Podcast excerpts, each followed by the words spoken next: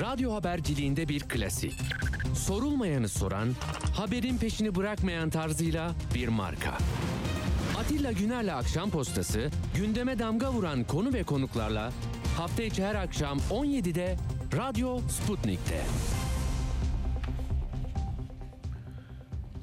Akşam postasından hepinize iyi akşamlar efendim. Ekim ayının son gününde saatler 17.04 ve bir aradayız. Cuma günü de yayınımız yoktu. Ahmet Tulgar'ın cenazesine katıldığım için ikindi vakti çok zordu stüdyoya ulaşmam.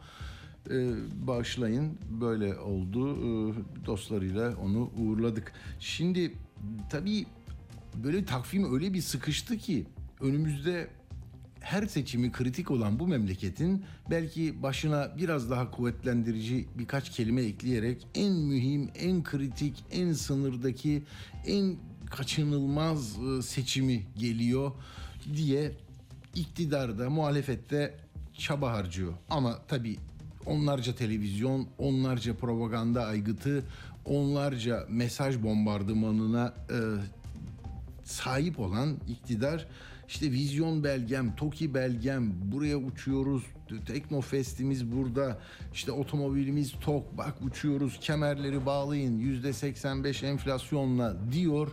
O tarafa bakmayın, bu tarafa bakın, gelecek 2053, 2071 umut böyle.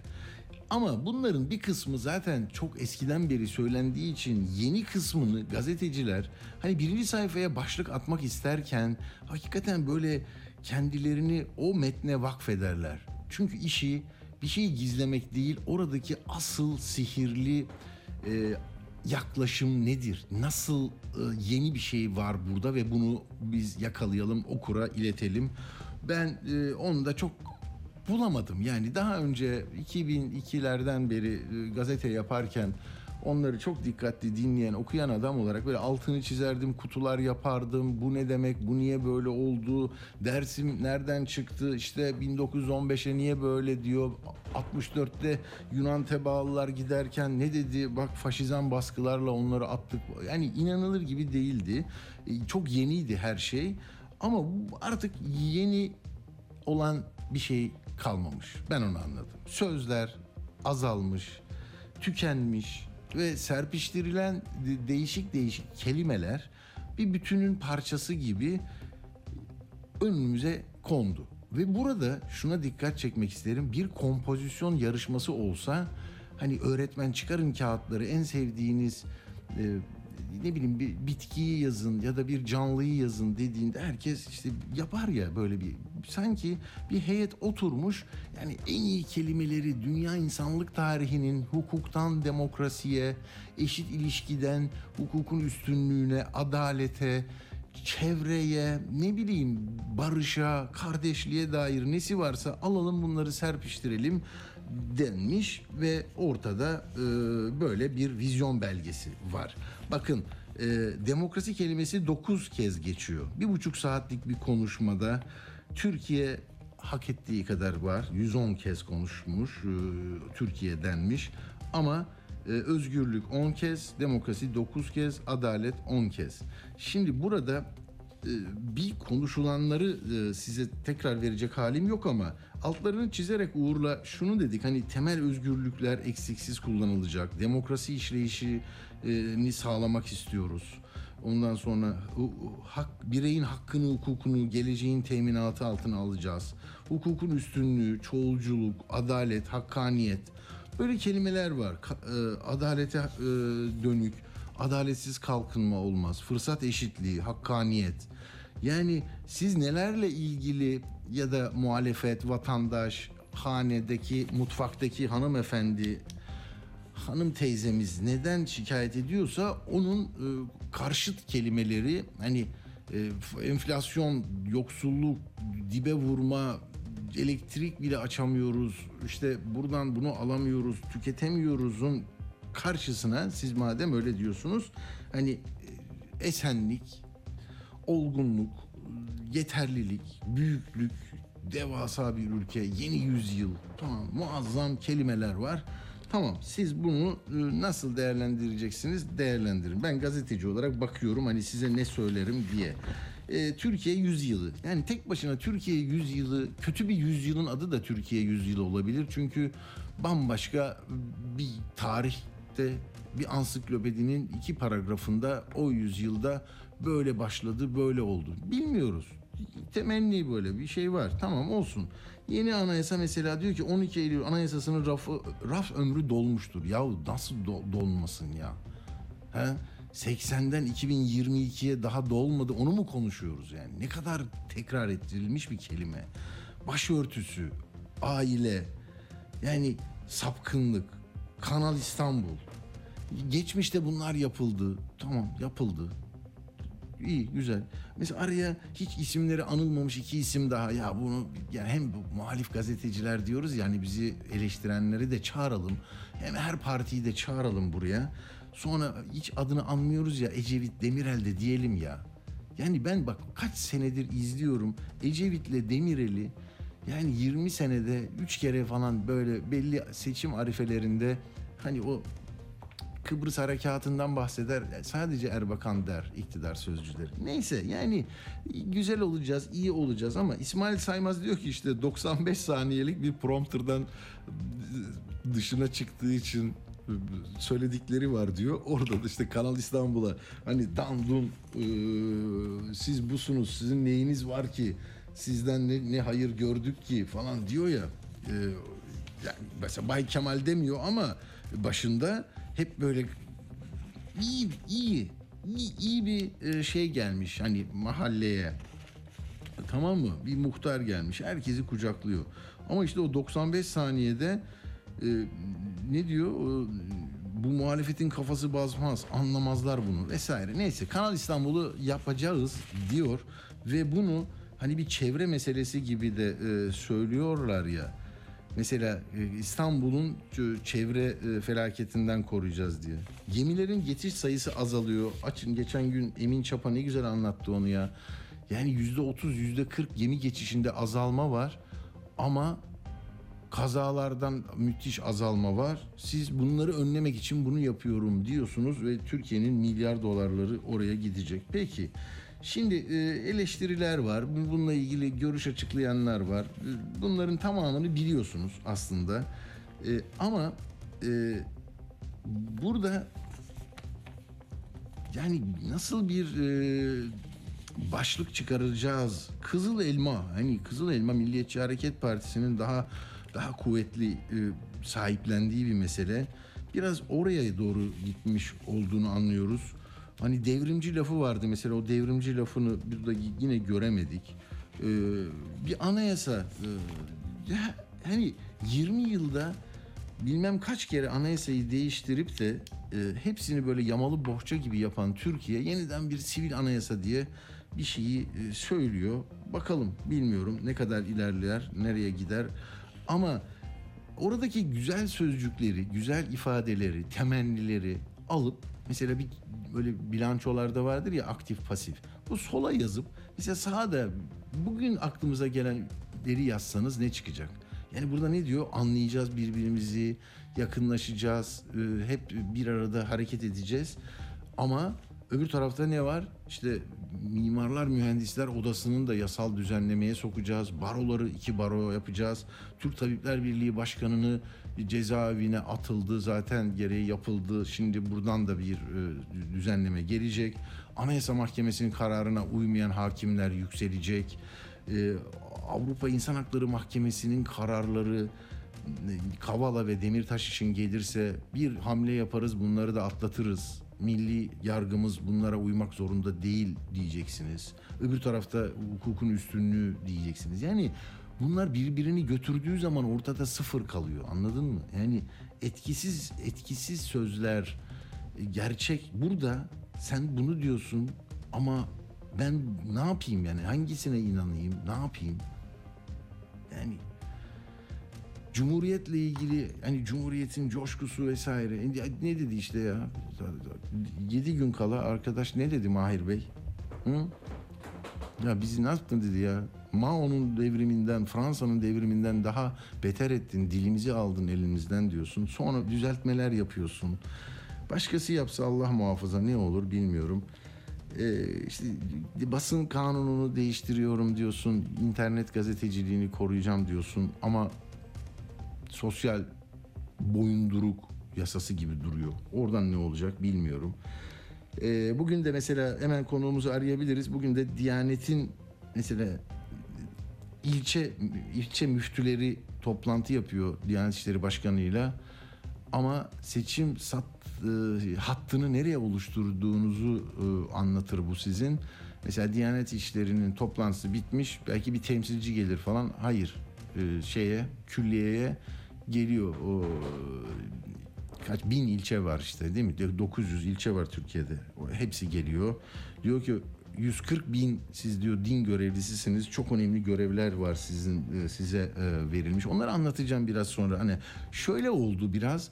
Hani e, dindar insanlara e, siyasetin dindarlarla e, etkileşim ve iletişimini sağlayan hatta daha kuvvetli e, inanç sahiplerini e, bir bir şeyde daha e, safları sıkı tutarak e, karşı tarafın işte aile, LGBT meselesi, biraz türbanı da içine e, kattı yani başörtüsü nedeniyle.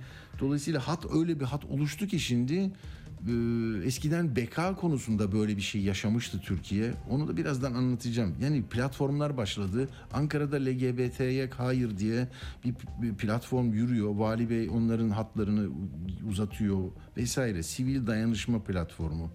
Ee, Ankara için böyle olmuş. Ankara Sivil Toplum Platformu diye. Bu diğer seçimlerden önce de 2014'te ve 18'de böyle devasa İstanbul'daki binalarda Türkiye'de her yere gazete ilanlarına sivil toplu, sivil dayanışma platformu vardı. Orada bir beka deniyordu. Milli şey, sağlam irade deniyordu vesaire. Yani topyekün e, hani 28 Şubat süreçlerinde geçen e, kötü bir e, şeydir tamlamadır bu ama hani bunu o manada kullanmıyorum. Bir topyekün bu bu sinir uçlarına hitap edecek ve hani din elden gidiyor ezan ezan susacak çocuklarımızı nasıl yapacağız aileyi bunlar darmadağın edecekler gibi böyle bir bir tutkal icat edilmiş gibi geliyor bana. Ne kadar çalışacak onu göreceğiz. Ama hani vizyondan gel, geldik bu bu noktaya ulaştık. Ee, şimdi değerli hocamızla e, bu sohbeti devam edelim. E, Profesör Tanju Tosun siyaset bilimci. Hocam merhaba hoş geldiniz. Merhabalar, hoş bulduk Atilla Bey. Ben yine hızımı alamadım biraz e, sizin sürenizden de çalmışım özür dilerim hocam. Estağfurullah. Sizin okudum politik yoldaki e, yazınızı da okudum hocam. Şimdi bu vizyon belgesini e, yani birçok bir, kısmınız kısmına katılıyorum. Hakikaten yani heyecan var mı? Neyi anlatıyor? Kime ne diyor? Ee, yeni bu insanlığın üzerinde titrediği kavramların Türkiye'de geçerli olduğuna nasıl ikna olacağız? Adalet, eşitlik, liyakat, e, hakkaniyet pek çok mesele var orada. E, ne diyorsunuz? Yani siz başlık çıkarırken zorlandınız mı? Yani aslında e, zorlanmadım çünkü e, bir tanımlamayla yola çıkmadım ben e, başlık konusunda evet. ama e, Sayın Cumhurbaşkanı'nın e, konuşmasını e, dinledikten e, sonra ve e, özellikle de bu e, Türkiye Yüzyılı e, vizyon ile ilgili bir e, web sitesi e, açıldı. Orada evet. e, bir takım ön projeleri inceledikten sonra bunun nasıl bir e, Türkiye vizyon e, Türkiye yüzyılı vizyonu olabileceğine ilişkin e, zihnimde bir hayli soru işareti oluştu. Şimdi Türkiye siyasal hayatında belirli kırılma dönemleri var ve belirli kırılma hmm. dönemlerinde çok e, belirgin bir takım vizyonla yola çıkan partiler var. Mesela 1983 6 Kasım öncesinde e, Anavatan Partisi Turgut Özal evet e, mesela e, devlet milletin hizmetkarıdır, efendisidir. Hmm. E, 3 Kız, e, 20 Ekim 91 seçimlerinde SHP ve DYP'nin o koalisyon ortaklığına giden süreçte mesela Demirel'in pembe e, karakolları e, o, orada da bir e, problem e, vardı e, tabii ki ama mesela hı 3 Kasım 2002'de e, Adalet Kalkınma Partisi'nin muhafazakar demokrasi e, kimliği e, iddiası Şimdi bu vizyonu e, bir şekilde adlandırma konusunda e, yani ben biraz e, sözün e, saltanatı olarak görüyorum. Aslında hı hı. Adalet ve Kalkınma Partisi'nin kendi ideolojik formasyonuna da uygun. Cumhur İttifakı bileşenlerinin formasyonuna da uygun. Daha ziyade milliyetçi, mukaddesatçı bir dille e, zaman hı hı. zaman e, muhaliflere e, bir e, ayrıştıran zaman zaman da kucaklayıcı, birleştirici, bütünleştirici bir hedef koyan bir e, metin, e, söylem olarak karşımıza çıkıyor ama yani vizyon dediğimiz şey e, daha e, farklı bir şey e, benim. E, bildiğim kadarıyla. Çünkü evet. bugün bulunduğunuz yerden e, bakarak gelecekte kendinizi nasıl görmek istiyorsunuz? Şimdi yani bir e, fotoğraf tahayyül ediyorsunuz, bir resim tahayyül ediyorsunuz. Bu fotoğraf ve resmi nelerle doldurmak istiyorsunuz? Biraz önce siz e, açtınız. Yani 9 kez Hı-hı. demokrasi, e, 10 kez özgürlük, 10 kez e, adalet. E, onun dışında e, bolca e, dediğim gibi e, hamasi e, bir takım e, evet. ifadeler e, dikkat e, çekiyor. Şu açıdan önemli olabilir e, tabii ki. Yani AKP e, 20-21 yıllık iktidarının sonunda kendi sosyolojisini bir şekilde diri tutma e, hmm. arayışında. Bu açıdan bakıldığında söylem güçlü. Çünkü o söylemin alıcısı var. O söylemin alıcısı o gün o tribünlerdeydi.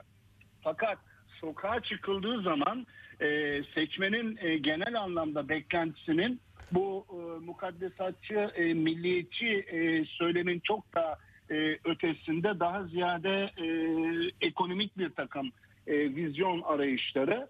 E, şimdi e, o açıdan e, bence e, yetersiz olarak ifade etmek mümkün. Bu yetersizliği de özellikle bu e, web sitesi e, Türkiye Yüzyılı web sitesindeki e, biraz aceleye getirilmiş o 16 e, alt vizyon diyelim ya da hedef diyelim orada hmm. görebiliyoruz bunu. Doğru ben hatta dinleyicilere belki aktarmakta fayda olabilir. Bir yandan da açıktı bende işte sürdürülebilirliğin 100 yılı.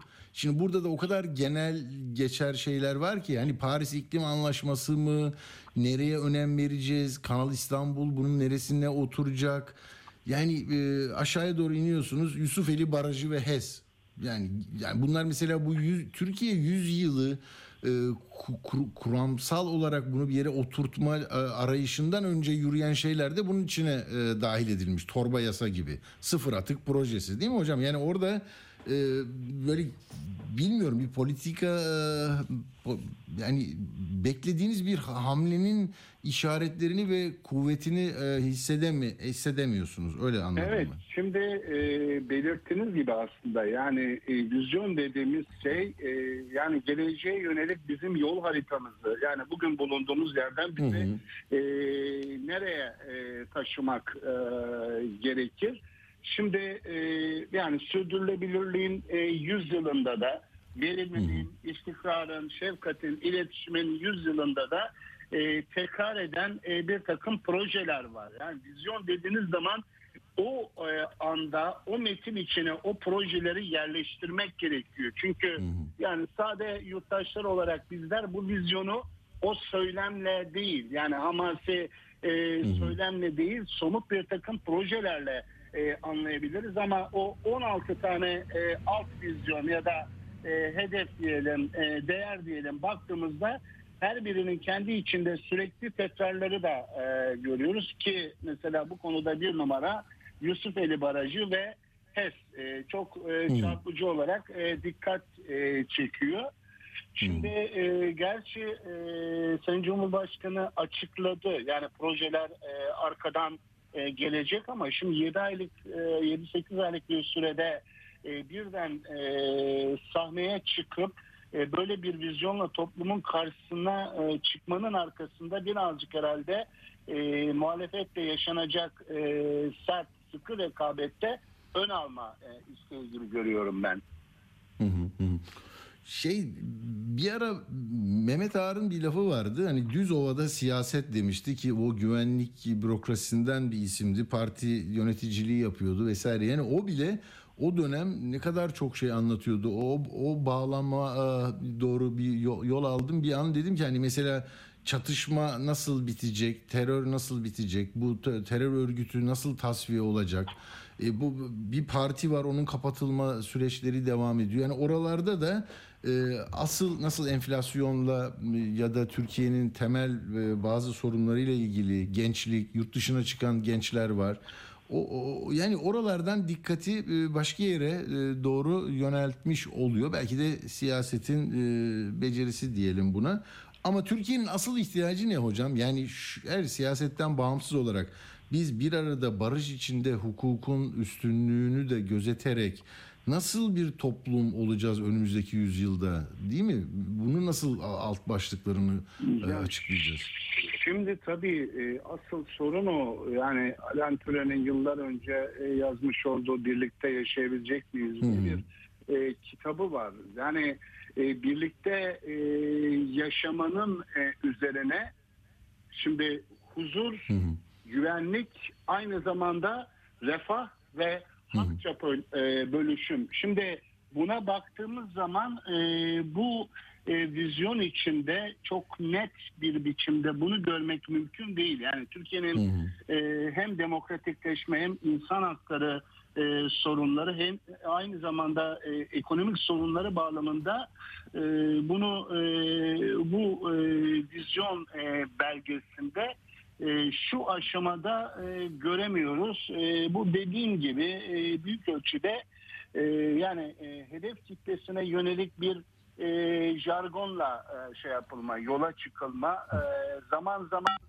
e, işte yine ifade ettiniz Demirel'e, Ecevit'e e, atıfta bulunma ama hemen e, ardından e, biz ve onlar e, şeklinde mesela biz e, eserlerimizle e, varız, eserleriyle konuşan e, lideriz. E, diğerleri ne yaptı şeklinde. Sürekli olarak geçmişi eleştirel bir yaklaşımla 80 yılın yapamadıklarını 20 yılda biz yaptık iddiası doğrudan doğruya tabii o hedef kitleyle arasında bir organik bağ kurma, hmm. o toplumsal desteği meşrulaştırma arayışı e, üzerine e, kurulmuş gibi. Evet, evet öyle görünüyor. Yani siz de mesela yazınızda diyorsunuz ki sınırlara sınırlara geliniyor artık. Yani bir, değil mi? Buradan bir, bir, bir, bir adım daha atılamayacak sözle yani belagatla e, çözemeyeceğimiz bir sınırlara da yaklaşıyoruz galiba değil mi? Böyle yanlış hatırlamıyorsam böyle bir ifadeniz vardı hocam. E, evet yani bunu özellikle sınırlara gelmeyi da teknik anlamda söylüyorum ben. Hmm. Teknik anlamda mesela o 16 alt vizyon ya da hedefin bazılarının altında projelerin vizyonu bile e, tanımlanmamış. Yani vizyon hmm. denmiş bırakılmış ya da vizyon ifadesi hiç kullanılmamış. Çok net bir biçimde aceleye getirilmiş olma e, şeklinde ben bunu e, yorumluyorum. Böyle bir durum söz konusu. Sınırlar neden sınırlar? Yani e, 20 yıllık e, bir siyasal iktidarın e, devamı e, demokratik sistemlerde eğer kendinizi yenilemiyorsanız o sınırlara gelmiş oluyorsunuz. Yani yenilenme hem kadro itibarıyla hem partinin söylemi ve vizyonu itibariyle bu vizyon iddiasında bir yenilenmeyi görmek bir ayrı zor kanımca.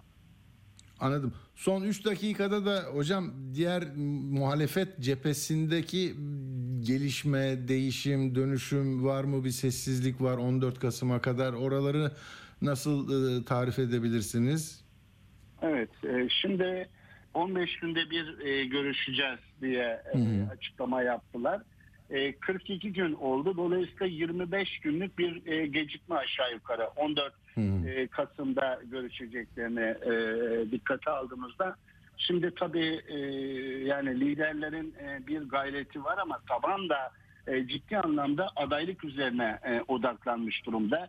Her partinin e, kendi e, teşkilatı e, özellikle e, Cumhuriyet Halk Partisi için söylemek mümkün. Kendi hmm. e, liderlerini aday yapmak istiyor ve tartışma e, adayın kim olacağı üzerinden e, yürüyor. Ama e, yine anlıyoruz ki mutfakta bir takım çalışmalar e, devam ediyor. Ümit Özdağ'ın geçen hafta katıldığı bir programda Kasım sonunda hükümet programını e, bir şekilde liderlere sunacağı şeklinde bir açıklaması var.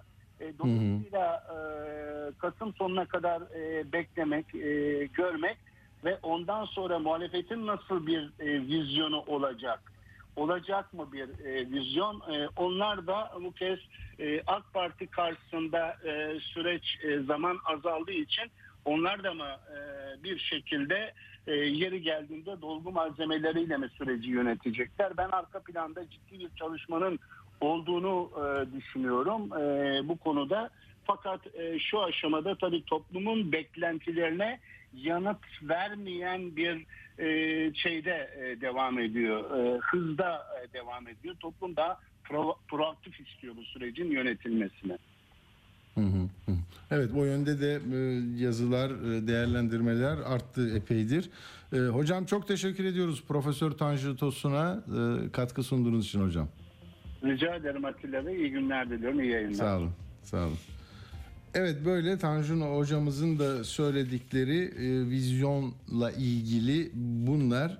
Yani vizyoner dediğiniz zaman zaten ileriyi gören hani mesela fiber optik altyapın ne olacak bu akıllı şehirler nasıl dizayn edilecek bu iletişimdeki e, onca e, mesaj alışverişi sosyal medya bunda kişisel verilerin korunması yani o kadar çok o, yarına dair e, planlamalar e, mümkün ki ve insanlık belki de bunları yapıyor. Hani tarım mesela tarımda yani tarımda şunu yapıyoruz bunu yapıyoruz öyle bir şey olmuyor yani terk ediyorlar 500 kişi domates üretmeyi bıraktı diyor. Telefonla konuşuyoruz. Bak Trakya'ya gidiyor, Sapanca'ya gidiyor. Arda onları görüyor. Yani başka bir hikaye var. Ee, ve bu hikayenin hiç e, yakınında olmayan olağanüstü e, ne diyeyim hani böyle reklam reklamcıların yapabileceği güzel metinler var. Üniversite sınavlarından sonra böyle üniversiteler, vakıf üniversiteleri herkesi çağıran acayip reklamlar yapar ya. Siyaset biraz da hani asıl yapacağı şeyi tam tarif edemediği zaman yani yazın altına bir şey ya diye hani üniversitenin bir reklamından sorumlu vatandaş şöyle yapıyor değil mi? Gelin işte altın e, altın fırsat. Biz yarına hazırlıyoruz. Geleceğin üniversitesi. Öyle bizimle yükselin. Uçuyoruz, kaçıyoruz falan. Hadi bir şey yok. Giriyorsun üniversiteye. O bölümde hoca yok. Orada bir sıkıntı var. Ondan sonra mezun oluyorsun. Bir yere giremiyorsun. Ne bileyim işte ya. Peki şimdi hızlı hızlı gideceğiz. Ee, bu siyasetle ilgili meseleleri bitirmem lazım. Zaten söyledim kısmen ama metni de geldiği için elimde onları hemen size anlatmam lazım. Bu nedir? Ee, arkadaşlar bugün e, Erdoğan e, dediğim gibi Diyanet İşleri Başkanlığı bir toplantı yapıyor ilçe müftüleriyle Erdoğan'a da sonra çıkılıyor ve tamamı orada. Herkes e, yukarı da çıkıyor yani. Tamam mı? Tek orada toplantı var.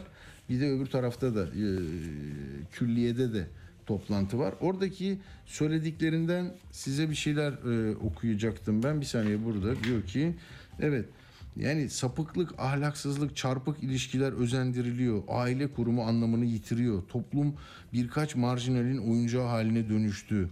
Ee, şayet şimdiden harekete geçip önlem almazsak ileride daha beter sıkıntıları yaşayacağız. Siz diyor önderisiniz toplumun. Her yere gidin anlatın ve oradan anayasaya geliyoruz. Yani bakın bunlar TOG'un oradan çıkması, Diyanet'in bugünkü toplantısı, dün yapılan işte vizyon belgesi açıklandı. Yarın başka şeyler olacak. Kanal İstanbul kararlılığı. işte bunların hepsi böyle adım adım örülecek ve seçime gidilecek. Anayasa değişikliği teklifimizi bu yönde atılmış önemli bir adım olarak görüyorum. Bir yandan başörtüsüne anayasal güvence kazandırırken aile müessesini korumasını korumayı hedefliyoruz diyor. Sonra da diyor ki bak o e, ilahiyat e, yani Diyanet mensuplarına. Her cuma bunu işlemeniz vazgeçilmez bir görevdir. Özellikle aile kurumumuzun güçlendirmenin en önemli nasihat mekanizması olacaktır. Diyor arkasından şöyle diyor. Bu sapkın kişiler Meksika'da yeni öğrendim diyor. Tamamıyla bu sapkın süreç yasal olarak zemine oturtulmuş. Bakın diyor hani nereye geldi vesaire. Yani şimdi bunların buraya mı gireceğiz ya? Sen onu dedin. Yok sen onu mu savunuyorsun? Sen şimdi Meksika mı olmak istiyorsun? Değil yani bunu niye şimdi e, konuşuyor oluyoruz? Böyle o metni yazan yazmış işte. Meksika'da bir eyalette de eşit evlilik tasarısı yasallaşmış. Daha önce e, tek bu eyalet buna yanaşmıyormuş. Bu eyalette de 23 evet 12 karşıt e, oyla e, kongreden LGBT bireyler de oturumu izlemişler. Yasa çıkınca kararı alkışlamışlar falan. Yani şimdi dünyanın kaç yerinde bu evlilik var yok işte olur mu olmaz mı yani seçimin konusu bu hale geldi. E, Karamollaoğlu da diyor ki yani aileyi bu hale getirenler şimdi de aileyi nasıl kurtaracağız derdine düşmüşler diyor. Samimi olun e, diye e, ekliyor bilmiyorum. Yani işler böyle gidiyor. Başlasın Türkiye 100 yılı demekle Türkiye 100 yılı başlamıyor. Zaten takvimler başlatıyor kendi kendine. Ayrıca bir müdahaleye gerek yok. Ve ona da işte Türkiye 100 yılı ne, diyeceğiz yani İn- İngiltere 100 yılı işte herkes kendine bir 100 yıl söyleyecek yani vatandaşına. Daha iyi işler yapacağız. Daha barışacağız. Dilimizi değiştireceğiz vesaire. Bilmem neler olması lazım. Şimdi bak o LGBT'ler olayında nasıl böyle dövecek bir şey olması lazım karşısında insan siyasetin e, insanları kamplarda ayrı e, e, kümelerde görmek ister ki di- dilini e, ona göre ayarlar ve e, ayrışmayı o, o temelde görmek ister. Yani yoksulluk değil. Sizin işte şeker alamadığınızı ya da bir e, evinize et götüremediğinizi, soğanın neden şu kadar arttığını, limonun niye bu kadar olduğunu konuşamıyor hale geliyorsunuz ve bunlarla meşgul oluyorsunuz. Tamam mı? Bak Ankara Sivil Toplum Platformu ya ona baktım sonra yürümüşler. İçinde TÜGVA, Ak Ocaklar, Deniz Feneri, Erbakan Vakfı, Fetik Gençlik Derneği, Kudüs Bilinci, Ümmet Gençleri Derneği. Bak TRT'de Ümmet dedi o, o hanımefendinin durumu ne olacak bilmiyorum. Şimdi e, ailen saldırı altında demişler yürümüşler. LGBT'nin aile yapısını yıktığını, çocuk gençleri yani şimdi bu bak kuruldu bu tamam mı? Bir süre önceden böyle bir saldırı varmış gibi ne dediler ya? Ya e, önce dedi faşizm, sonra komünizm, şimdi de uluslararası bu sapkınlık dalgası geliyor. Yani kurulmuş bir çete sizin tamam mı? Her yerinize e, müdahale edecekmiş gibi bir hisle haydi e, savunma hatlarına, mevzilere neye dayanacağız, neye sarılacağız? İşte bunu böyle atlatacağız. Biz aileyiz. Ötekiler zaten bak bir şey demiyor. Onlar galiba öte, onlar da LGBT'ci işte onlar da. Yani Birinci Dünya Savaşı'nda e, yenildiğimiz adamların artıkları vesaire böyle şeyler oluyor ya. İşte bak 18 yıllık TRT spikeri ya ümmet demiş. Onu duydunuz mu? Şimdi ona AK Parti'den Mücahit Birinci diyor ki e, bu kadın spiker ne yapıyor diyor. Onun gereğini yapacağız diyor. Bir dinleyelim bakalım. 99. kuruluş yıl dönümüydü. Bizi ümmet olmaktan çıkarıp birey olma bilincini, cumhuriyet aydınlığını, ilmini armağan eden Gazi Mustafa Kemal Atatürk ve tüm şehitlerimizi sevgi, saygı ve rahmetle anarken Evet mesela bu kıyamet koparmaya yetiyor tamam mı? Yani Cumhuriyet bir parantez olabilir, reklam arası olabilir. İşte sizin lügatınızı, sözünüzü, düşünme setinizi darmadağın eder. Mao Zedong'un e, şeyinden, kültür devriminden bile daha sertsinizdir falan ama onlara bir şey olmaz. İşte öyle diyor AK Partili de. Bir spiker kadının bülten bitiminde aşırı sözlerle, sözde Atatürkçü tavırla bunu yapması falan gereği yapılacaktır, yapıldı diyor ama bilmiyorum. Orada da e, hanımefendinin adına bir sahte hesap kurmuşlar. Ben atıldım buradan diyor. Sonra diyor ki e, hanımefendi Deniz Demir hayır hayır o benim uyduruk bir hesap ona da dava açacağım diyor. Böyle e, işlerle ilerliyoruz. Bakalım ne olacak. Şimdi küçücük bir e, ara vereyim mi? Yok. Konuğumuzu arayalım. Ben Saadet Partisi'nin de hafta e, hafta sonu bir kongre yaptığını biliyoruz. Saadet'in kongresinde de 8. olan büyük kongresinde de Temel Bey 3. kez genel başkan oldu. Onların sloganları da işte altılı masadalar. Şimdi 7. Hüseyin Baş'ın Bağımsız Türkiye Partisi gelecek deniyor. İlginç. Kararlıyız milletin iktidarında saadet var demişler. Bir de saatlerinizi iktidara ayar, ayarlayın demişler. Ee, Bülent Arınç, Arınç da katılmış. Diyanet İşleri eski başkanı Lütfi Doğan da katılmış. Evet yani bu kongre öncesinde böyle birkaç yazı okuduk. Birkaç mutabakattan bahsedildi. Ee, rahmetli Asil Türk de e, görüşmeler yaptığında da böyle kamuoyunda e, ilgi e, merkezi olmuştu. Yani Adalet ve Kalkınma Partisi ile aralarındaki çizgi, sınır, yakınlaşma ve ilişki ve mesafe nasıl e, olacak diye e, yani sükunet içinde e, ve böyle sakin bir şekilde bitmiş. Mesajları da oldu Sayın Karamollaoğlu'nun. Hani bu aile meselesi çok tartışılıyor. Gerçi ona geleceğiz. Ben bir cümle konuğumu da bekletmeyeyim. Diyor ki e, kimsenin umurunda değil. Temel hak ve özgürlükler ne zamandan beridir referandum konusu oluyor? Aileyi darmadağın eden sizler hangi yüzle aileyi ağzınıza alabiliyorsunuz? Yeni dönem herkesin özgürce şiir yazabildiği bir dönem olacak. Şimdi durum bu. Ben de e, Mustafa Kaya Bey ile konuşmak istiyorum. Saadet Partisi yöneticisi, Genel Başkan Yardımcısı. Merhaba Mustafa Bey, hoş geldiniz. Merhabalar Atilla Bey, iyi yayınlar sizi ve değerli... Teşekkürler. Gerçi şimdi seçimlerden sonra yeniden herhalde görevler e, tanımlanacak değil mi? Seçimler sizde doğru, de öyle mi oluyor? Doğru, doğru aynen. Tamam. Ee, şimdi yaklaşık bir, bir hafta 10 gün içerisinde e, yeni görevlendirmeler Genel Başkanımız tarafından yapılacak. Yapılacak. Peki Mustafa Bey yeni e, yenilenme oldu mu? Mesela yani asıl karar merkezinde sizin e, çalışma arkadaşlarınızda hani gençler gelir bazen isimler değişir yoksa böyle e, aynı kadro e, muhafaza mı edildi? Aslında yani bir e, e, kısmi bir yenilenme oldu diyebiliriz. E, Genel İdare Kurulumuza yeni isimler dahil edildi. E, yani Hmm. bunlar tabii hem e, iş çevresinden hem sosyal çevreden bazı önemli isimler var. Kamuoyu zaman geçtikçe onları daha iyi tanıyacak.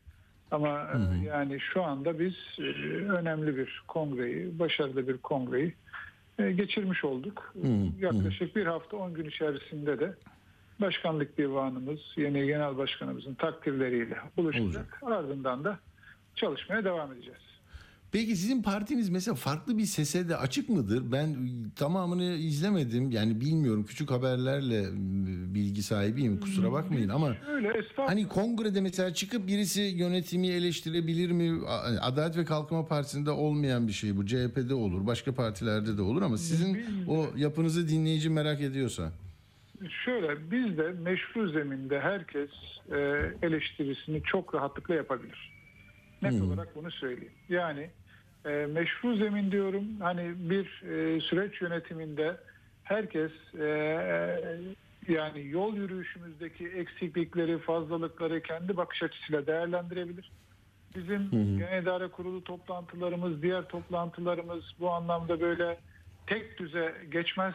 Kendi iç eleştirimizi de yaparız, iç değerlendirmelerimizi de yaparız ama bunların hepsi meşru zeminde olur. Biz bunun için e, yani meşru zeminden kastımı şöyle açayım isterseniz. Hani biz Tabii ama şeyi merak ederim. Yani kongrede meşru zemin mesela kürsüye çıkıp Elbette. e, Elbette. konuşanlar oldu mu? Oldu. Şöyle e, şimdi sizler bilirsiniz e, kongrelerin e, böyle il seçim kuruluna, ilçe seçim kurullarına verilen bir resmi Gündemi var. vardır, gündemi vardır. O gündem içerisinde akış gerçekleşir. Yani burada da delegelerin söz alma e, eğer arzu ederlerse söz alma hakları genelde faaliyet ve hesap raporlarının müzakeresinde. Anladım. Yani Anladım. o, o kongrenin hani doğal seyir içerisinde bunlar gerçekleşir. Dolayısıyla herhangi bir e, böyle bir talebi olduğunda insanlar çok rahatlıkla Yapar. çıkar kendisini ifade edebilir. Tabii. Tabii. Yani şimdi gazeteci e, sayarsanız beni hani gazetecinin ne yaptığını e, biliyorsunuz. Ben de gazeteci gibi soru sormayı çok severim. E, Siz her yani soruyu sorabilirsiniz. Sevindim. Ee, Şöyle hani Saadet Partisi'nin e, partisine gönül verenlerin oluşturduğu bir tribün diyelim biz. Onlara en yakın tribünler başka partilere ait olsun böyle topluca Türkiye için ne yaparız diye düşünüyorlar diyelim bir arama konferansında. Adalet ve Kalkınma Partisi size yakın yere e, yer ayrılabilir. Hani bunlar aynı dili konuşuyorlar birbirlerini evet. anlıyorlar diye. Ama e, siyaseten e, söylemlerinizde e, diğer e, altılı masadaki partilere yakın onlar gibi bir bölümü belki rezervdir ama şey eleştiriyorsunuz sertçe eleştiriyorsunuz az önce okudum Sayın Genel Başkan da öyle e, sert evet. sözler söylüyor. Ha bu mesela tabanda belki kongreye gelen bir delegede ya biz onları daha yakın buluyoruz kendimize ama neredeyiz gibi böyle bir şey var mı tartışma oluyor mu sizde? Şöyle e, şimdi e, bizim tabanımız şunun farkında Atilla Bey. Yani biz 2001 yılında Fazilet Partisi'nin kapatılmasından sonra hı hı bir yaşanan ayrışmayla beraber kendisini milli görüş gömleğini çıkarmakla tarif eden hmm. AK Parti e, kitlesi olduğu için yani hı hı. ayrışma yolunu milli görüşten ayrılma, işte gömleği değiştirme, çıkartma şeklinde tarif ettikleri için bizim tabanımız aslında yani hem teşkilat tabanımız hem o zamandan bu zamana e, birlikte olduğumuz tabanımız bu aradaki ayrımı net olarak biliyor. Hmm. Ama sizin o milat olarak da orayı alıyor o zaman tabii yani tabii, değil mi? Tabii, Orası önemli. Tabii, tabii, tabii. ama sizin e, sorunuzun yani hmm. geniş diğer halk kesimlerinde daha doğrusu AK Parti'yi destekleyen ama kendisini evet. dindar tarif eden insanlar üzerinde evet. bizim bu tabanımızdaki ayrışmayı tam olarak anlayabildiklerini söyleyemem. Yani hmm. bakış açımızla beraber orada hani şöyle düşünelim. E, şimdi insanların dindar kimliği olması işte e, onların da bizimle benzeşen hayat e, koşulları olması daha doğrusu hmm. yaşam biçimleri yaşam pratikleri öyle yani yaşam inançlı. Bravo Evet yani o şekilde olmalarından dolayı diğer toplumsal kesimler yani teşkilat tabanlarının hmm. dışındaki toplumsal kesimler tarafından tam olarak anlaşıldığımızı ifade edemem ama hmm.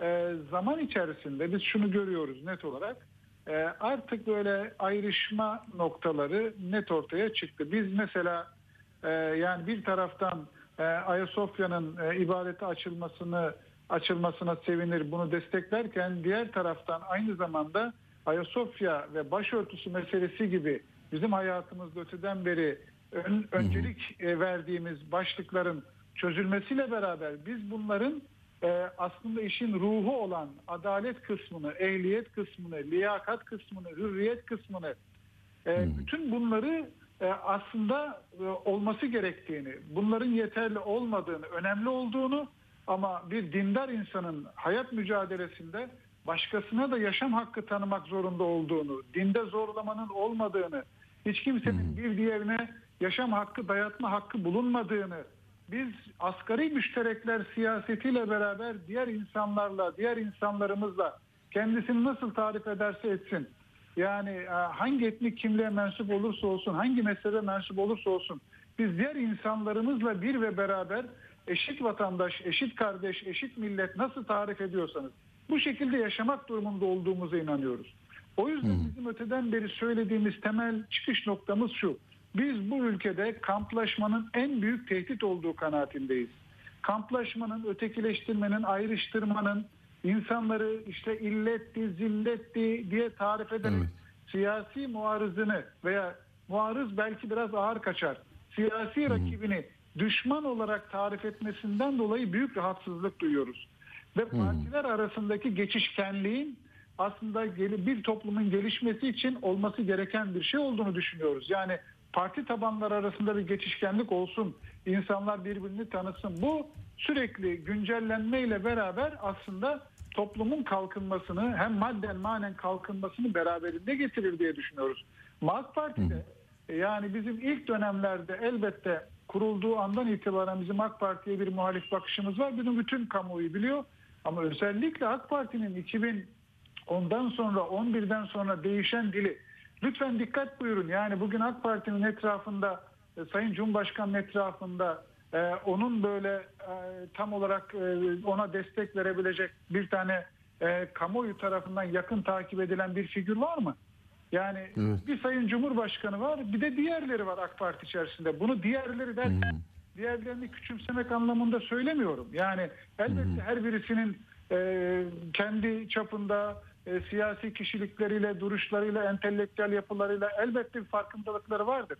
Ama AK Parti içerisinde bir tüzel kişilik olarak tanımlamak gerekirse bir Sayın Cumhurbaşkanı var bir de diğerleri var. Ve Sayın Cumhurbaşkanı'nın bugün dese ki ben siyaseti bırakıyorum, ben siyasette işte kendimi kenara çekiyorum dese AK Parti tüzel kişiliğinin devam edip edip etmeyeceğine dair büyük bir e, şey var, kaotik durum var. Ama bizde öyle değil. Yani Milli Görüş Hareketi'nde, Saadet Partisi'nde öyle değil. Bizde bir gelenek var ve bu gelenek köklü bir şekilde kendisini yeniliyor. Yenilerken arzu et, yani yenilemek şu anlamda söylüyorum. Peygamberimizin hadis-i şerifi var. İki günü birbirine denk olan ziyandadır diye biz sürekli bir değişim içerisinde olmamız gerektiğini düşünüyoruz. Ama başkalaşmayı arzu etmiyoruz. Başkalaşmak bir şeyin başka bir şeye dönüşmesi. Hiç kimse başkalaşmasını istiyoruz ama biz bu mantıkla kendimizi geleceğe taşımak istiyoruz ve şöyle bir şey de söylemem belki doğru olur. Yani hani e, Saadet Partisi işte sosyolojik tabanları örtüşüyor. E, dolayısıyla Saadet Partisi'nin aslında oy potansiyeli daha çok AK Parti'nin içerisinde deniliyor. Doğru ama şimdi e, bizim son 99'da Fazilet Partisi'nde aldığımız oy yaklaşık %15.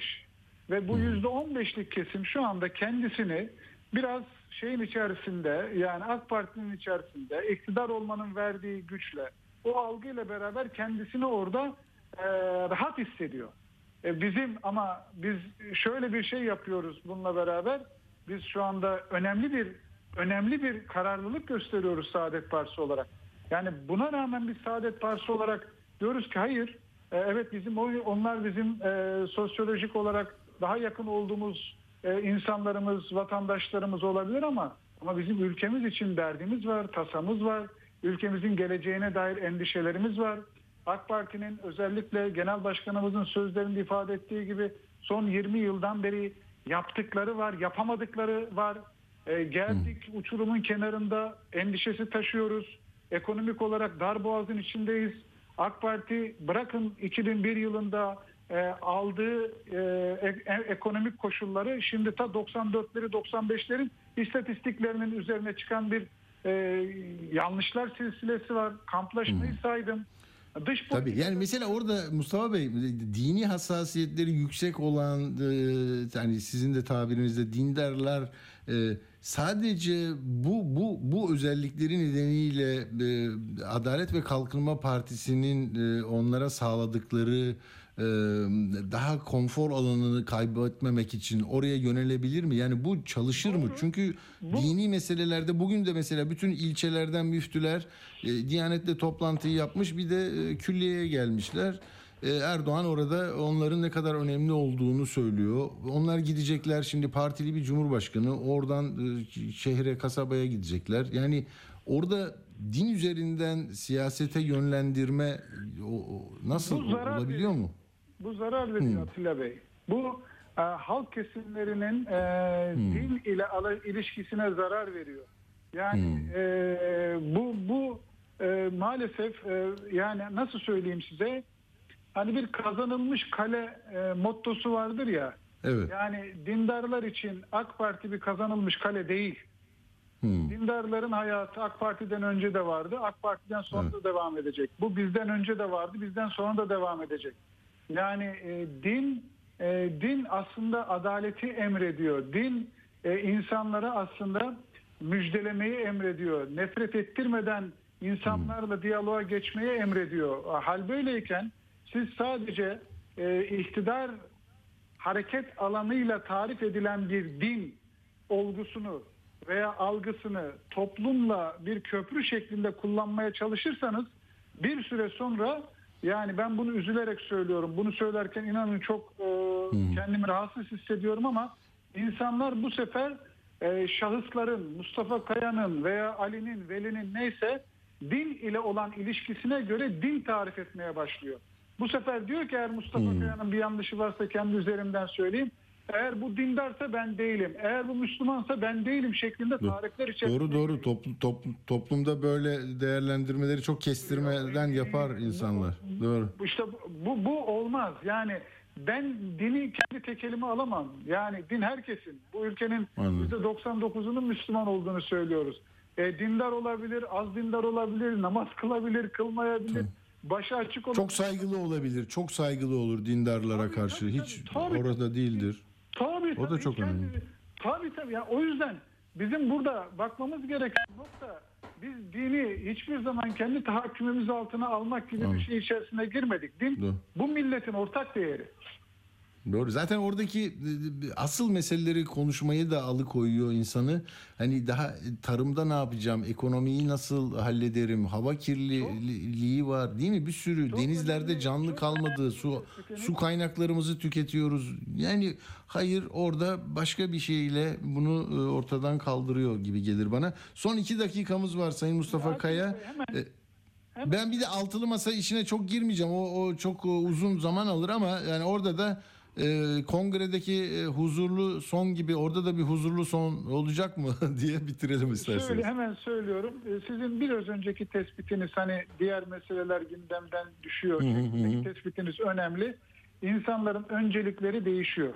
İnsanlar bu sefer kimlik siyasetiyle bir ortam oluşturulduğunda tamamen diğer meseleleri yani tartışılması gereken siyasetin Evet. çözüm bulması gereken meseleleri ikinci, üçüncü, dördüncü plana atıyor. Ee, Burada e, o yüzden de normalleşmeye, o yüzden de toplumun birbirini dinleme ihtiyacı var. Bu sorunuzun, yorumunuzun birinci bölümüne söyleyebileceklerim. İkincisi de altılı masada e, yani e, her şey çok iyi gidiyor desek bu hayatın olağan akışına Tabii. aykırıdır.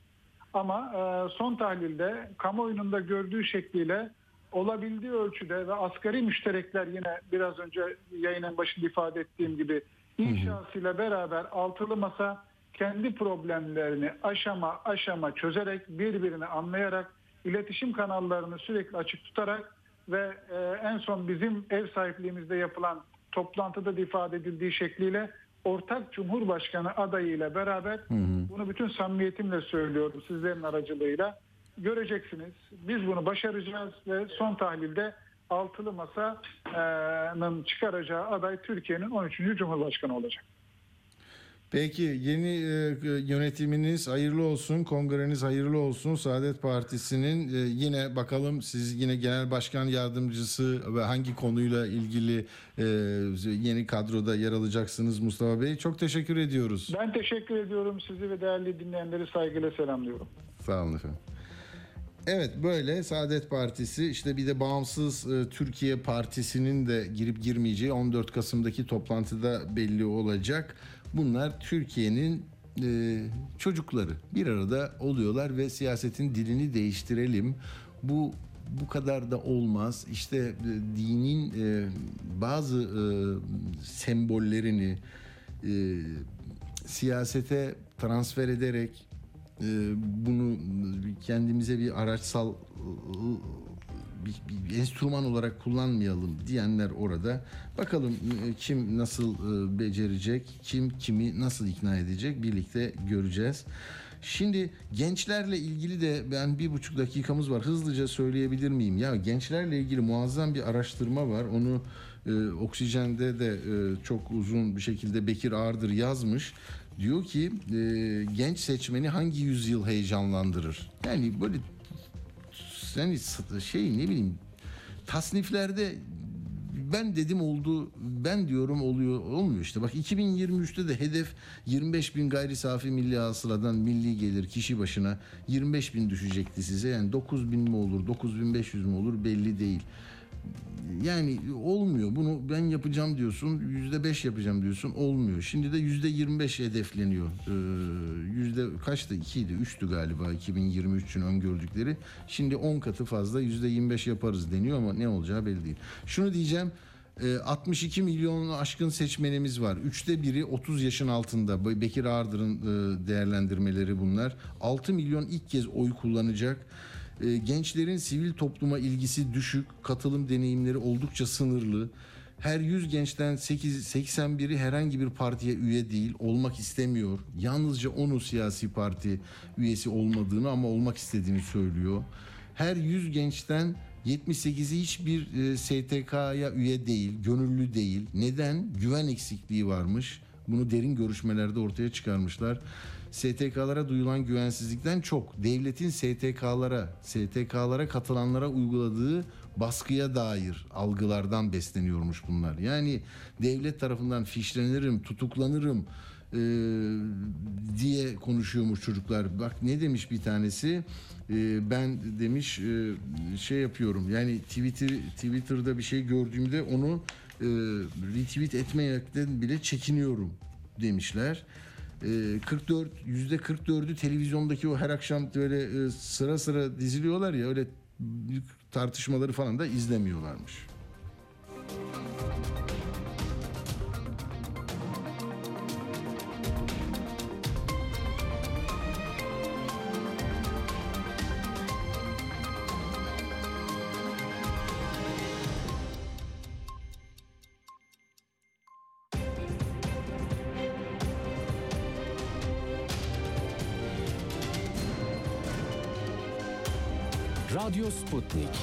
Anlatılmayanları anlatıyoruz. Radyo haberciliğinde bir klasik. Sorulmayanı soran, haberin peşini bırakmayan tarzıyla bir marka. Atilla Güner'le Akşam Postası, gündeme damga vuran konu ve konuklarla hafta içi her akşam 17'de Radyo Sputnik'te.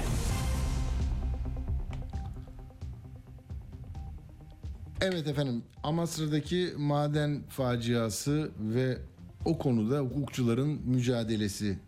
Çünkü daha önceki örneklerden de hep biliyoruz e, kamu görevlilerinin yargılanmasını istemeyen bir adalet anlayışı var. Bir bürokratik anlayış var. Benim insanımı, benim görevlimi alamazsın. Ceza versen bile yükseltirim onu. İki hem e, şeyde Karadon'da hem de Kozlu'da böyle oldu. E, yükseldiler. Orada 38 e, insanın hayatına mal olmuş iki kazadan sonra yaşananlar da bunlar.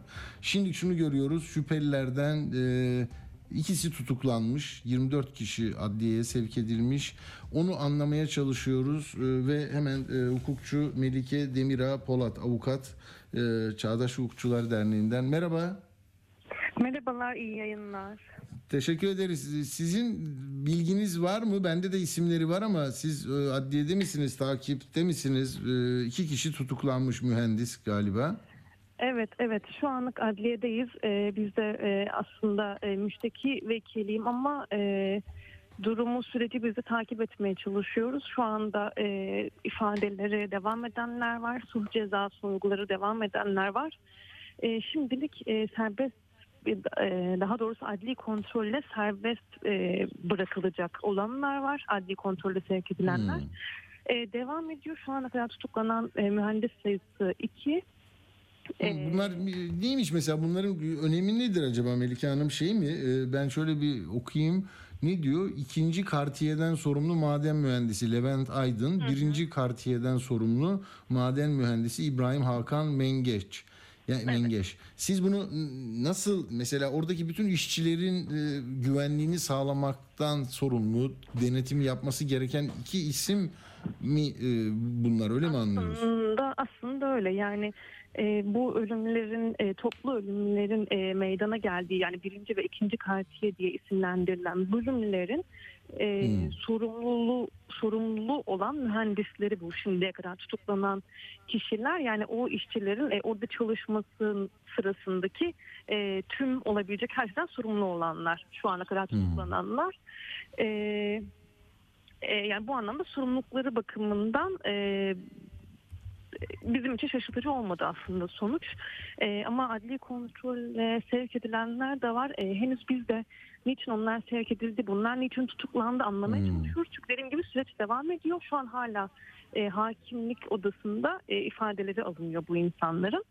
Hmm. E, bunun dışında e, biraz önce e, müessese müdür yardımcısı Salih Atmaca tutuklandı. Sizdeki bilgi dışında. Aa, öyle mi? Evet. Ha onu bilmiyordum. Salih Evet, Atmaca. Aha, evet evet. Ee, henüz müessese müdürü e, sorguya girmedi, bekliyor dışarıda. Ee, yani şimdilik e, durum böyle. Dediğim gibi serbest bırakılan Devam e, mühendis de olmayan E, ama işte çeşitli şef, çavuş gibi sorumlulukları olan e, insanlar için de adli kontrolü serbest bırakılanlar var. E, dün biliyorsunuz e, bilirkişi heyeti ve savcılıkla birlikte biz de e, müşteki vekili olarak madene keşif için gittik. Fakat hala e, gaz değerleri çok yüksek olduğu için e, maden ocağına girişimiz tehlikeli bulundu ve içeri giremedik. Hmm. Fakat idari binalarda incelemeler yaptık. E, haritalar ve planlar üzerinde incelemeler yaptık. Bizim kanaat... Peki. E, buyurun. Buyurun. Siz buyurun buyurun. Bizim kanaatimiz yani e, bu madende bunun olacağı e, çok çok belliymiş. Yani hani her şey zaten bunun e, bu Geliyorum diyormuş, değil mi? Evet, herkes bunu söylüyor. Yani evet evet çok açıktı. Bizim açımızdan bizim için çok netti zaten durum ama artık onları dinledikten ve gördükten sonra e, daha da emin olduk. Yani e, ihmal diye açıklanamayacak derecede Hı hı. e, bize göre kasta varan e, sorumlulukları var bu e, belli başlı insanların. İfadelerde çok özür dilerim. İle- İfadelerde görüyor musunuz bir avukat olarak Melike Hanım? Yani soruşturma gizli biliyorum hazırlık soruşturması ama okuduğunuzda durumu anlamanıza yardımcı olan da olacak. e, Yani yargılamaya da e, ışık tutacak bir şeyler geliyor mu ifadeler? Yani ya işçilerden ya yaralıdan bilmiyorum. Geliyor aslında e, yani şöyle biz bunu hem e, ilk katliamdan hemen sonraki e, ailelerle, e, işçilerle e, yapılan görüşmelerde de tespit etmiştik. Nitekim ifadelerde de gördük zaten. Yani e, Sayıştay raporlarında bahsedilen e, o yatırımların, altyapı yatırımlarının yapılmaması, bütçenin e, kullanılmaması, harcanmaması, e, iş güvenliği ve sağlığı için harcanmaması vesaire gibi her şeyin aslında sonucu olarak bu katliam meydana geldi ve bu insanlar burada öldüler. Yani havalandırmanın özellikle e, havalandırma konusu burada çok önemli. E, Buna ilişkin yapılmayan e, işler, işlemler sebebiyle yani sorumlu olanlar kimse bu insanların ölümüne neden olanlar başta onlar e, bizim kanaatimiz sadece onlarla sınırlı değil tabii ki. E, denetim ve diğer anlamda yönetimsel sorumluluk olan TTK Genel Müdürlüğü yetkilileri denetmenleri de bize göre bu işin sorumlusu zaten. Anladım. Peki daha e, bu gece de uzun sürecek anlaşılan sabah olduğunda daha net anlayacağız. Evet, E, aynen. Tutuklananların Kesinlikle sayısı şu anda e, her yerde iki diyor. Sizden sıcağı sıcağına üç kişinin e, tutuklandığını öğrendik. E, Çok teşekkür ediyoruz. E, Ben Sağ olun efendim. ederim. Ben teşekkür ederim. İyi yayınlar. Sağ olun.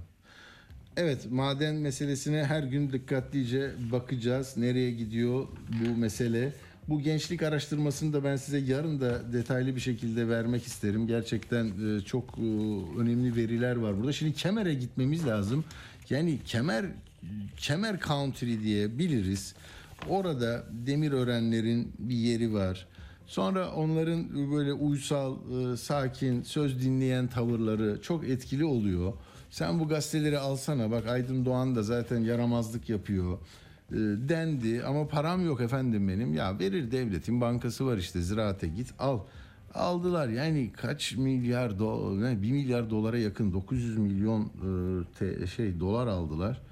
E, işte gösterirsiniz ya siz gitseniz mesela bir çorbacı dükkanınız olsa hani neyi demirbaşı mı göstereceksiniz? Bir küçük eviniz meviniz varsa belki arabanız varsa onu e, gösteriyorsunuz teminat diye. Neyse yani oradaki golf sahasını aldılar. Ben de hallederim bunu dedi. Üç gün içinde orayı gittiler. imara açtılar. Villa yapacağız. Senin bize vermediğin parayı böyle çıkaracağız dediler. İnşaat şirketlerine verdiler. Orada çalışma oluyor. Görüyor musun? Bak yani tek tek olunca erkler arasında farklı e, yaklaşımlar ve anayasayı, hukukun temel ilkelerini koruma iradesi yoksa her şey böyle gider. Öyle oldu. Kemer'de bak sonra nasıl sesler çıkıyor. Bunu biraz verir misiniz? Kemer'de yürütmeyi durdurma kararı verdi mahkeme oy birliğiyle. Durun nereye giriyorsunuz iş makineleriyle golf sahasına? Burasını satın alanlar yeşiliyle almış diye. Sonra bakın hukuksuzluğa her yerde aynı ses çıkar ya. Bakın ne çıkıyor.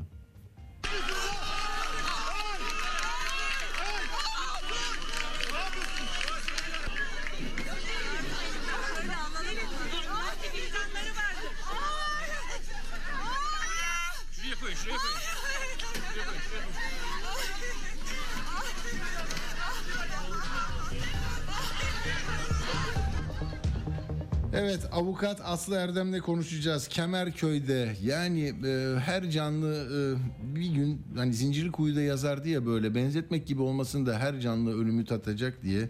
Türkiye'de de ister zengin olun ister fakir olun yoksul olun e, solcu olun bilmem neci olun siz de bir gün böyle polisin e, çember içinde e, sizi e, çevrelediğini e, taleplerinizin yargıdan çıkan e, bir karara dayanmasına rağmen sizi dinlemediklerine tanık olacaksınız. Çünkü e, erkler ayrılığında sorun olduğu için.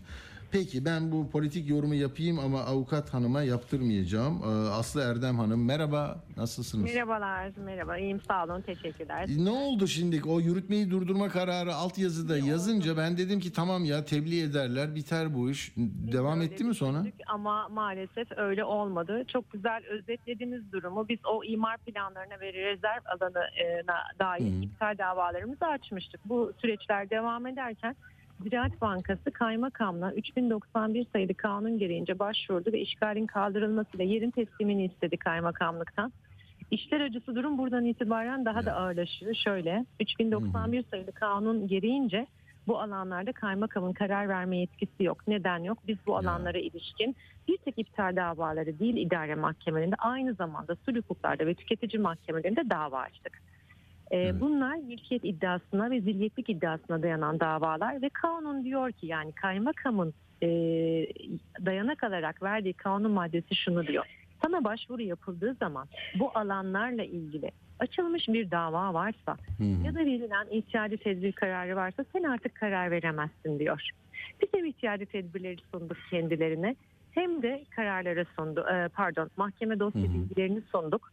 Bunları yok sayarcasına soruşturmaya başladılar. Dedik ki sen kanun diyor ki bunlar varsa soruşturmayı sonlandıracaksın. Sonlandırmadı devam etti. Orası ayrı bir mesele. 26'sında geldi alanları gezdi yetkisi olmadığı halde 28'inde apar topar bir karar verildi. 28'i çok dikkat çekici bir tarih. Değil mi? Bayramdan önce yarım gün evet. Yarım gün adliyeler kapalı öğlen saatlerinde ve gidiyor muhtarlığa bırakıp ilan ettiriyor. Çünkü kanun diyor ki 3 gün süresince ilan edeceksin. Bu 3 günü böyle geçirdiler ve verdikleri saat de dikkat çekici. 31 Ekim saat 9'da uygulayacağım diyor. Bizler kararı öğlen öğreniyoruz 28 Ekim'de ilanla beraber idare mahkemesi nezdinde yürütmenin durdurması talepli davalarımızı açıyoruz. Ve e, bu pazartesi sabahı daha onlar kararı uygulamadan yürütmenin durdurması kararı alıyoruz. Bu karar Orada da bir de saatle yarıştınız galiba. Gittiniz karar geldi Yarıştık. değil mi? İnanın mahkeme kalemlerinden önce adliyedeydik. Adliye açılmadan Ya. kapıda bizler Hani anneler babalar koleje çocuklarını yazdırırlar diye Evet, yedekler. evet. Oradan oraya oradan oraya. Allah'ım ya Rabbi ya. E, kararı aldık çok güzel hani e, nitekim hani hukuksuzluk var ama bir yerde e, engel Evet, olabilir. tabii. E, güzel mahkemelerimiz, güzel Peki usul nedir var. şimdi biraz da E- E-Devlet de çıktı. Yani o kararı elden alıp götürüp e, mesela kaymakamlığa Hayır, vermek mi yoksa online mi Hayır. gönderildi o? Biz elden de götürdük, elden istemediler ama asıl e, KEP adresinden gitti kendilerine. Karar çıktı, Tamam. an KEP'ten mahkeme gönderdi. Kaymakam bunu zaten kendisi görüp e, arada 15-20 dakikalık işlemlere bir ara verildi. Durdurun denildi. 15-20 dakika ama. 15-20 E, sonra nasıl başladı? 15-20 dakika sonra orada 650 e, sivil polis hariç 650 tane polisin olduğu çelik kuvvet içeride. Emniyet müdürüne birdenbire şey geldi. Valinin talimatı var devam edecek. Ya karar var diyoruz hani. Artık hani geçtik kararın nasıl verildiğini, nasıl ah, e, hukuksuz olduğunu ama karar var diyoruz. Hayır dediler. Devam ettiler. Duvarlar yıkıldı. Sitenin güvenlik kameraları etkisiz hale getirilircesine kablolar falan hepsi gitti. Hmm. İçeriye iş makineleriyle girdiler. Ee, kazma işlemleri yapıldı. Ee, inanın şu bile oldu. Hani hukuksuzluğu geçtim. Bugün site sakinlerinden birisi kalp krizi geçiriyor içeride. Ambulans geliyor ve ambulans içeriye sokulmadı. Ba- Ee, başını kaçırdım çok özür dilerim. Kim? Bir vatandaş mı kalp krizi Bir geçirdi? vatandaş site maliklerinden Hı hı, birisi tamam. evinde kalp krizi geçiriyor. Ambulans çağırıyor. Ha, Bir gelemiyor. ambulansın Hmm. erişimini sağlayamıyoruz onlardan. Hani hukuksuzluğu geçtik. İnsan dışı insan Ama bunlar dışı yargılanmaz mı ya? Yani huk- hukukun emrettiği bir şeyi uygulamayan. yapacağız ama inanın e, zararlar çok büyük oldu. Yani şimdi Ya. malikleri bana şeyi sormaya başladılar. Ne kadar acı bir vatandaştan bunları hukukçu olarak duymak. Ya imar plan iptallerini de açtınız, rezervleri de açtınız. Oldu yürütmenin durdurulması onlardan aldık. Ya da kararlar e, Hı. elimize çıktı. Bunlar uygulanacak mı Aslı Hanım diye Bugün bir sürü soruya maruz kaldım ben. Ya.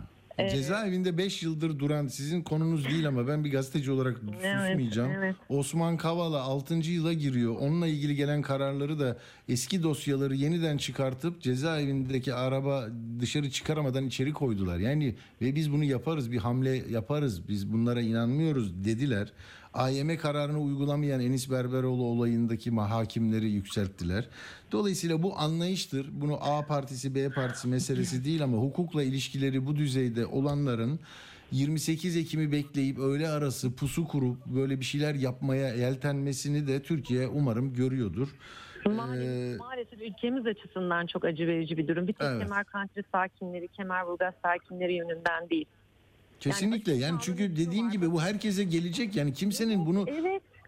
Yani dün Osman Kavala'ya, Demirtaş'a, size bana yapılırken ya o taraftan ne yapalım değil işte. Sonunda geliyor.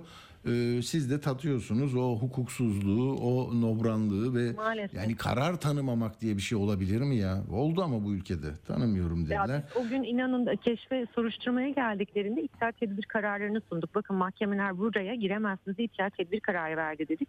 Gelen memur yere attı kararları. Videolar var elimizde. Yani Ya. kararı yere attı. Ee, Peki Aslı Hanım bu devam edecek. Yarın da ben sizi mutlaka bulurum. Yarın da bir Tamam. bilgi almak isterim. Böyle belge tabii olursa da hani tutanakla bir şeyi tanzim ediyorsanız böyle tutanak geldiler verdik Ee, hala bugün gerekli e, işlemleri hmm. yaptık. Şimdi onlar hazırlanıyor. Ee, bizler de tabii ki yine hukuksal yollara başvuracağız. Gerekli Peki işlemleri çok teşekkür yaptık. ederim. Zaman Ben ayırdığınız için teşekkür kolay ediyorum. gelsin. Rica ediyorum. Sağ olun. İyi günler. Avukat Aslı Erdem'le konuştuk Kemer County'de. Ee, yani size toz pembe bir Türkiye göstermek için e, sahibi değiştirilen gazetenin yeni patronu gö- gö- görevini yerine getirmek için parası azdı. Ona dediler al sana para ama bize bir yer göster. Usul böyle bir yer gösterdi. Senin bu yerin imara açık değil. Biz hallederiz dediler. Üç günde imara açıldı. TOKİ gitti zengin bir muhit orası 4 milyara mı ne şeye ihaleye verdi. Şimdi yapılacak orası mahkeme diyor ki hayır ya burayı durdurun bir, bir durun bir soracağım idareye 30 gün içinde be- dursun diyor. Vali Bey diyor ki devam edin. Bak o Vali Bey mesela e, iki belediye e, başkanlığı seçimi vardı İstanbul'un. O zamanlar ne yaptığına bir bakın. Yani 28 Ekim öğle saatlerinde pusu kurulur mu ya? Hukuka pusu kurulur mu? Adalete pusu kurulur mu? Sustum ben Uğur gelsin. Dünyada anlatılmayanları anlatıyoruz. Geçelim buradan hemen Yunanistan'a. Gidelim şimdi Mısır'a. Program editörümüz Uğur Koçbaş hep ayrıntıların peşinde. Dünyadan zaten Uğur'un şeyi copyright bölümü. Neden yapıyoruz? Çünkü 12 Eylül bizim AB maceramızın da aslında yıl dönümü. 34 tane fasıl hala bekliyor. Bunu zaten İngiliz basını da manşetlerine taşıyarak Morris'e büyük yargı darbesi iadesi. Dünyada anlatılmayanları anlatıyoruz. Evet Kemerköy'den sonra ben tabii hızımı alamıyorum. Yani şu mu olacak? Yani bak ne diyor Mehmet Muş Bingöl'de? Diyor ki e, son yılları saymazsanız ortalaması yüz- yüzde 8-9 civarında enflasyonun diyor. Merkez Bankası Başkanı da böyle bir söyledi. E sonra bu hukuksuzları saymazsanız aslında hukuk devletiyiz yani. E ne için Kavala'yı, Demirtaş'ı, seni yürümek isteyen Soma'daki işçiyi, hakkını arayan maden işçisinin, e, vefat etmiş maden işçisinin yakını AYM'den değil mi? Çıkarttı ya bu adamları niye yargılamıyorsunuz diye dokuzunu. Adamlar gitmedi bile mahkemeye. Ben dedi bilmem Silifke'deyim bana gelsin buradan söylerim. Ben bir şey yapmadım falan. Böyle olmuyor. Böyle olmaz. Yani ne yazıyorsa anayasada onu istemek bile bugün en e, en kuvvetli talep haline geldi. İnanılır gibi değil. Hani yeni bir anayasa falan değil. Hani bu anayasanın içinde demokratik hukuk devleti, layık hukuk devleti lafı yeter ya. Uğur sana bırakıyorum. Brezilya'da da aynı şeyi mi söylüyorlar yoksa? Ya Brezilya'da da diyorlar ki son 11 yılı saymazsak Lula yeniden devlet başkanı seçildi. Ama işte Nasıl öyle oldu? İşte e, şimdi Lula tabii çok önemli bir isimdi. Latin Amerika solunun en önemli isimlerinden biri olmuştu. 2003 ile 2011 yılları arasında iki dönem Brezilya'nın devlet başkanlığını yaptı. Ya 30 milyon kişiye umut verdi e, denilir hep. O işte onları yoksulluktan çıkarttı, sosyal politikalar uyguladı vesaire. Ya peki bu kadar e, iyi işler yaptığı söylenen bir adam nasıl oldu da e, başkanlıktan düştü? Bir yolsuzluk soruşturması e, geçirdi. E, Hem kendisi hem kabinesi işte çok büyük bir e, yolsuzluk skandalı patladı Brezilya'da ve e, işte zimmetine para getirdi. Onlar da yapay şeylermiş yani değil mi? Onlar da uydurmaymış. Şimdi anlatacağım. Ee, şimdi orada bir hakim çok ön plana çıkmıştı. Sergio Moro diye. Ee, Lula'nın da önce 9 yıl sonra 12 yıl hapis cezası almasında çok etkili oldu bu hakim Sergio Moro. Ee, sonra e, 2021'de bu davalarda taraflı ve politik davrandığına hükmedildi. Brezilya Yüksek Mahkemesi tarafından Ee, ve e, Lula yeniden aday olabildi. Ama 580 gün hapiste kaldı Lula bu dönemde. Peki o hakime ne oldu diye soracak olursanız Lula hapse girdiği zaman e, yeni seçilen aşırı sağcı e, lider şu anda yani bir gün öncesine kadar Brezilya'nın devlet başkanı olan Bolsonaro da dedi ki bu hakime ya sen çok iyi iş yaptın gel bizim adalet bakanımız ol dedi ve onu adalet bakanı yaptı. Ee, ama sonra- Anayasa Mahkemesi üyeliği orada yokmuş, boş değilmiş olsa hani Ankara formülünü uygularlardı. Peki. Evet.